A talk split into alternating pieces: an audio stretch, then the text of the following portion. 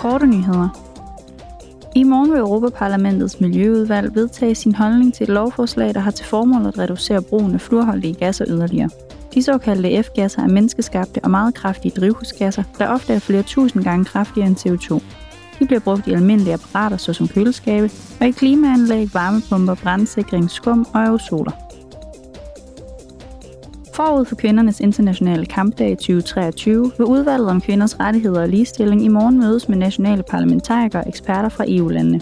Her vil de drøfte energikrisen og dens konsekvenser for kvinder.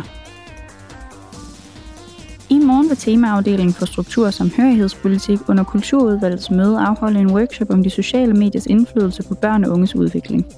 I løbet af denne workshop vil tre eksperter drøfte børns digitale praksis, online-sikkerhed og trivsel i hjemmet og i skolen.